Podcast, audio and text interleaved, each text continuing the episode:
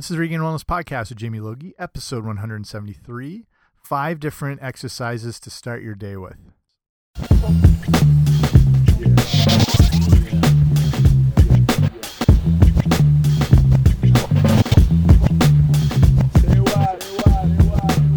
Hey guys, what's happening? Welcome back to the podcast, or welcome if you're new.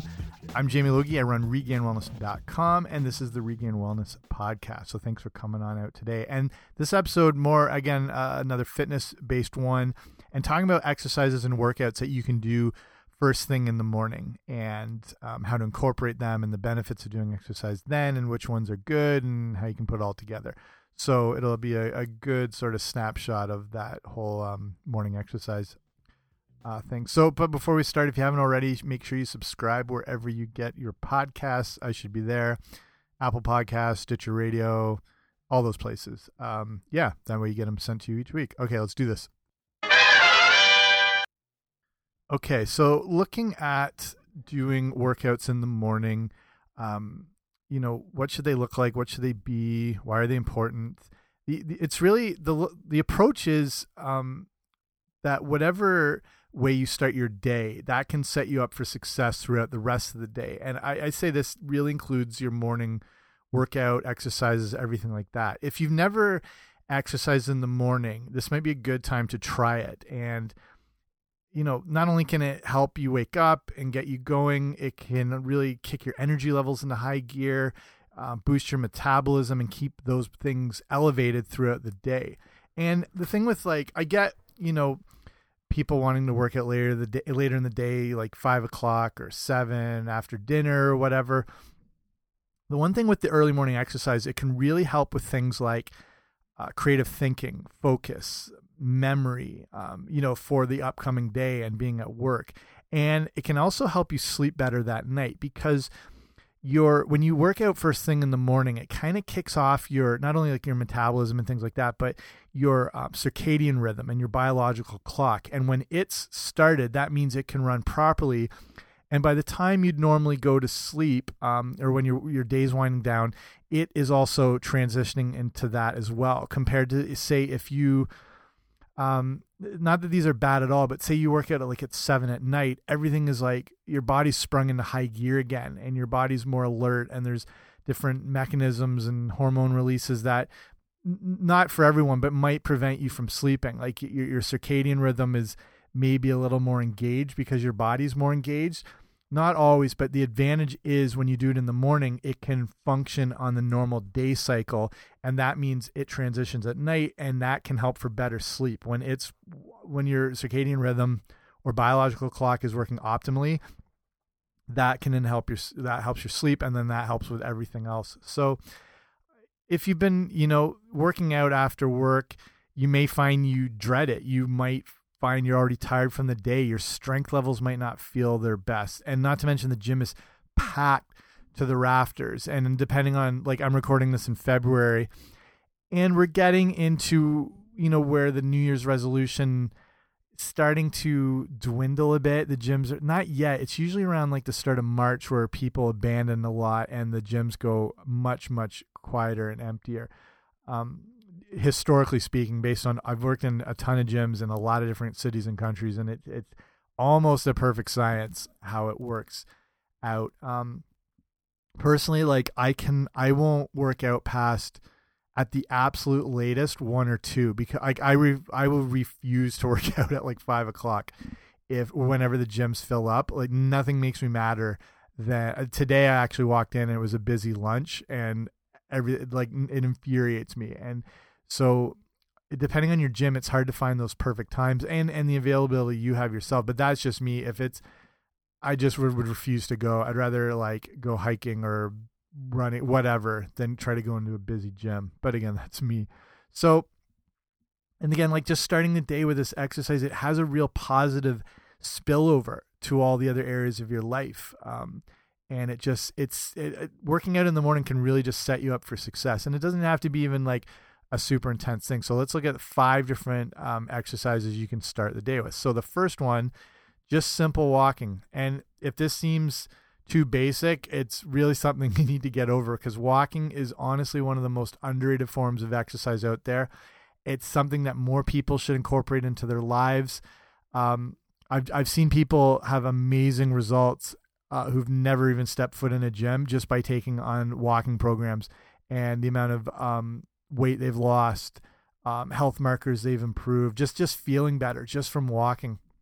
If you have a job that doesn't keep you active, this to me is probably one of the best things to do first thing in the morning, just to get yourself moving um, earlier in the day, and then walking then is going to help you get you know get all those steps in early, and then anything you get later on is a bonus compared to like where if you've had a long busy day you just don't want to be on your feet anymore or, or you just want to take it easy. If you start the day off with it it's really going to have a good carryover. And then walking's just awesome because it's a low impact exercise. It's good for those with any knee or joint pains. You can do it anywhere. It's free. It's my personal ideal price point. Um and and the thing with walking is it just it when you look at like kind of we're talking about like locomotion with the body compared to different things with um, walking running sprinting it seems that our body responds well on both ends of the spectrum between walking and sprinting. Not that jogging's bad or running's bad but if you've been doing this for a while this constant um, you know repetitive running where you're pounding your ankles and joints on concrete i'm not saying it, this is a situation for you, but it, there's a lot of people who over time are going to develop um, some issues and back problems and joint pain and knee pain. It just it seems our body responds better where we do one or the other as far as high end sprinting, which is short in duration, super intense, and our body responds back with like really um, good results as far as improved fitness and lean muscle and body fat lost and better um, it in, increases your insulin sensitivity just all, all a lot of these good hormonal markers. Um, and then it's easier on even though it's intense and fast it's more of a muscular workout. Your your joints and knees don't get affected as much as they would compared to like a, a 30 minute run.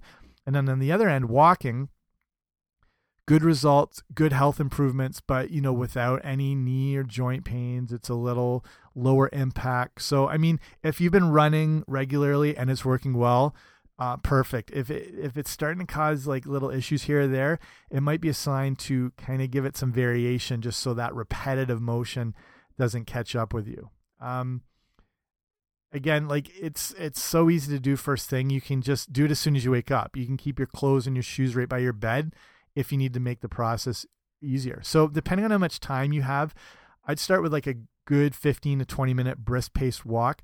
Um, just to know that you're in the right range where you know it might be helping to burn more body fat or um, uh, improve cardiovascular health. You want to be going at a pace where you can still carry on a conversation.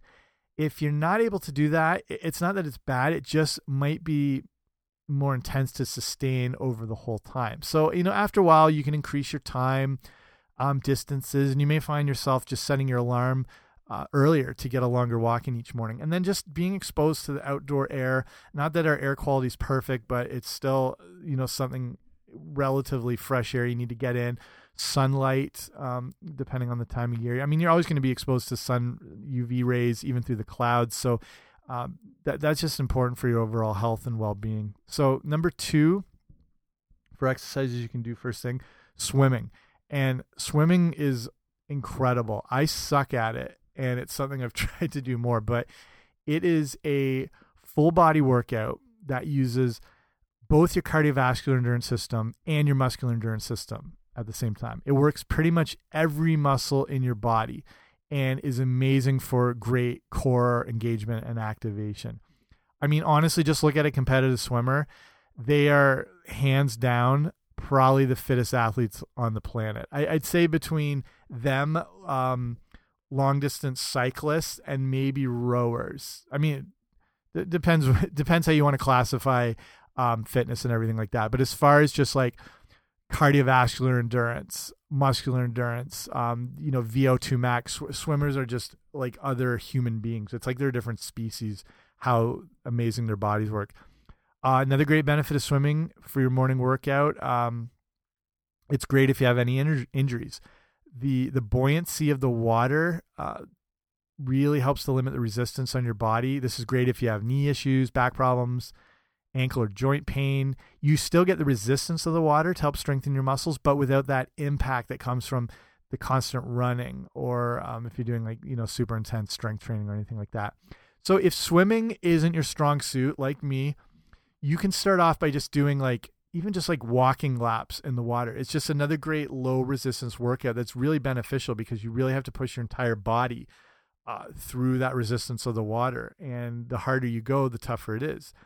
It's really good if you have some nagging injuries. After a while, you can progress to, um, or progress, however you say it, mixing, you can mix in some swimming laps to further increase the exercise. You know, you can alternate alternate between a walking in a swimming lap. Honestly, all local pools, if you have anything near you, like YMCA's, whatever, they all will have great swimming instruction. So if this is brand new to you, um, it's something to look into getting, you know, just swimming lessons to get you up, up and running. It's affordable, it's effective, so it can make a great early morning workout.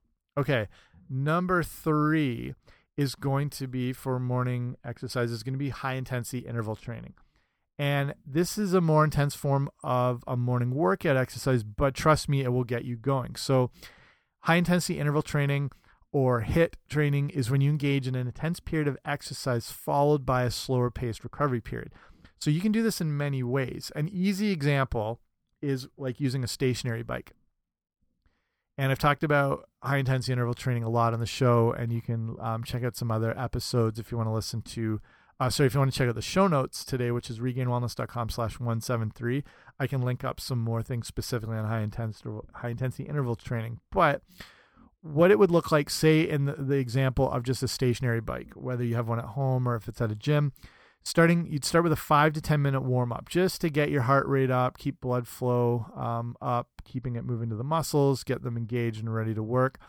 So next you would want to then turn up the intensity on whatever type resistance style your bike has. Sometimes they're little like twist ones, sometimes they're like these little levers.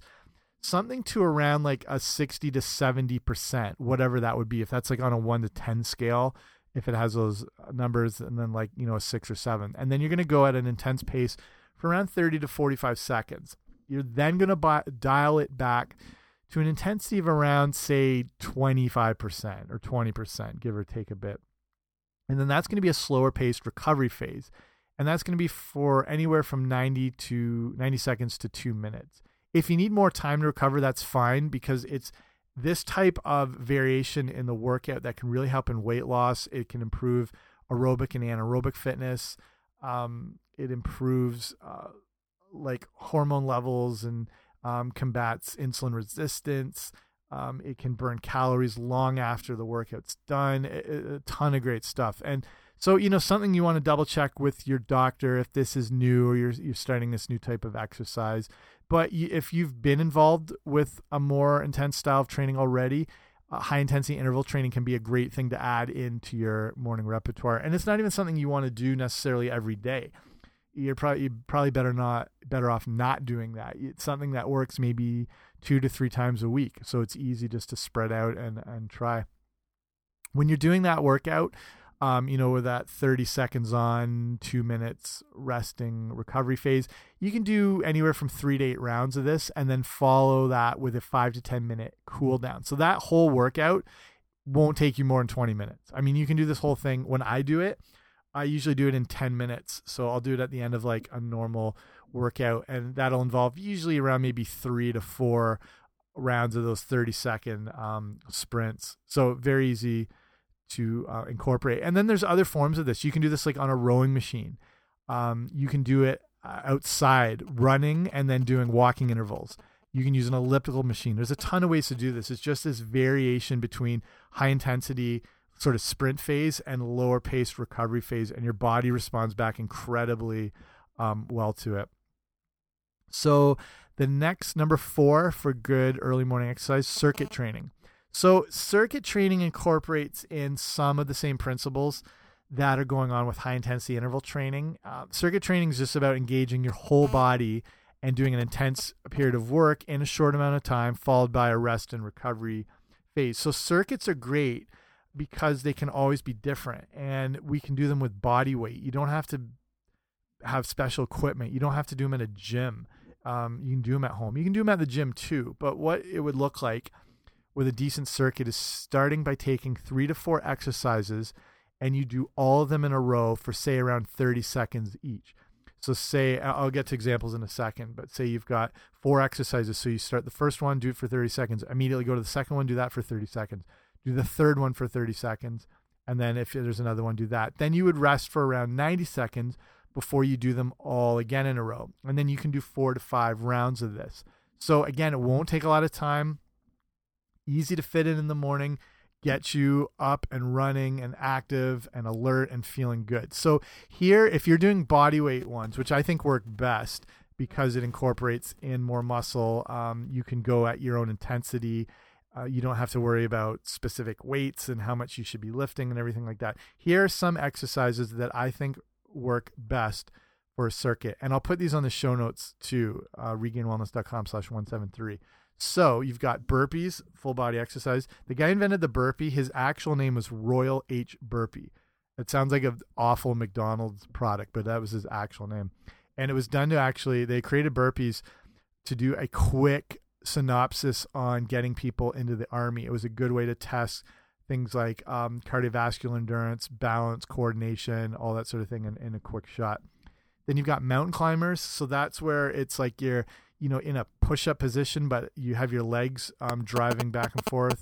You can do lunges, you can do push-ups, you can do skater hops. That's where you're going to start um, weight over your feet, and you're going to use your one foot and drive off it to the left.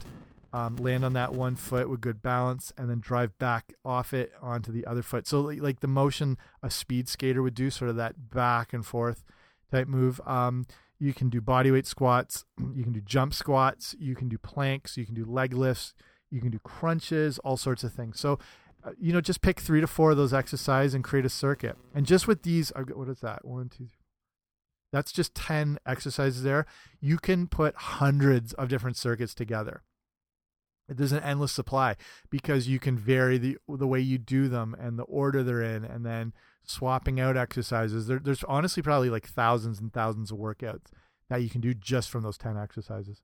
Okay, last one here, number five for um, great exercises to do in the morning low intensity interval training. So, this probably might be a new one for you. If you listen to all these shows before, I've covered this this topic of low intensity interval training in depth, but it's not a big sort of mainstream thing yet, I'd say, as high intensity interval training is. That's everywhere. I mean, that's you see a ton of articles. There's gyms based all around it, everything. But low intensity interval training is kind of new, and it might actually be more practical for you than the high intensity interval training. So, but it's also effective. Um, it works well outside. What it is is taking that same concept of um, variation between something more intense and something less intense, but it's as the name implies a lower intensity.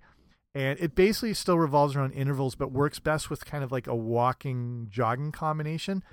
So what it would look like is starting out with your normal walking pace for say around three to five minutes just just how you'd normally go um, getting sort of warmed up then you would go into a light jog or a brisker faster pace walk for around 90 seconds then you're going to go back to that regular walking pace for three to five minutes and then you're going to repeat this over the course of half an hour. That's all it's going to take. So you might need to keep your phone with you or your timer or like Fitbit or whatever you use to keep an eye on it. So uh, if you're starting out and brand new, you can do these in five minute increments. So start out walking for five minutes, do that 90 second higher pacing. Doesn't have to be a jog, but just a, a more, a faster, brisker pace. Then you can go back to the regular walking pace for five minutes um, then back to the the faster pace and repeat that. And then you you know as this becomes better or easier, you can do it down to uh, three minute uh, recovery intervals and then vary it like that. So this is another great way to improve your fitness. You can you still get some of these um, results that you get from high intensity interval training, like um, improve cardiovascular health, the weight loss. Um, you, the you know improving the hormonal markers like improving your insulin sensitivity and how your body is able to handle sugars all, all those different things um, that again like your body just responds well to variations of intensity and it responds by providing improvements and changes in the body and those aren't just physical aesthetic changes but again like health changes and hormonal changes and this type of workout is very good if you want a lower pace of activity, uh, or if you're older and you don't want something super intense, or you're working through some injuries but you still want a good form of exercise, try this low intensity interval training. So I think that's a good place to wrap it up.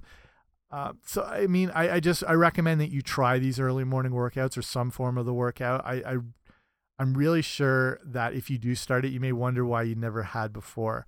And I like it personally as a way again to get the day going and feeling like you've accomplished something earlier. It's kind of like your what is the the Rock, um, the actor The Rock. He he calls it I think his anchor. That getting the workout done in the morning is the anchor and the base for the day, and then it sets everything up better and there's more likelihood for success and there, just that feeling of accomplishment.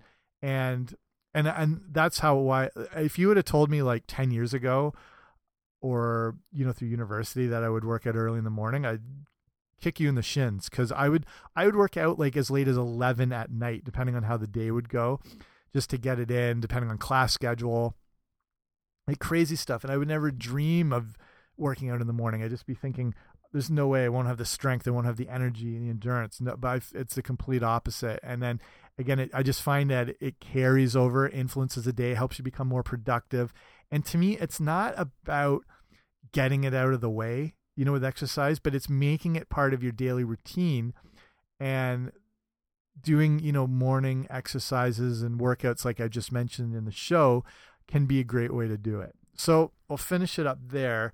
Thanks for listening. If you have any, you know, just any questions or things you want to go deeper into or things you want to see covered on the show, you can email me at info at regainedwellness.com. Again, check out the show notes for today, regainedwellness.com slash 173.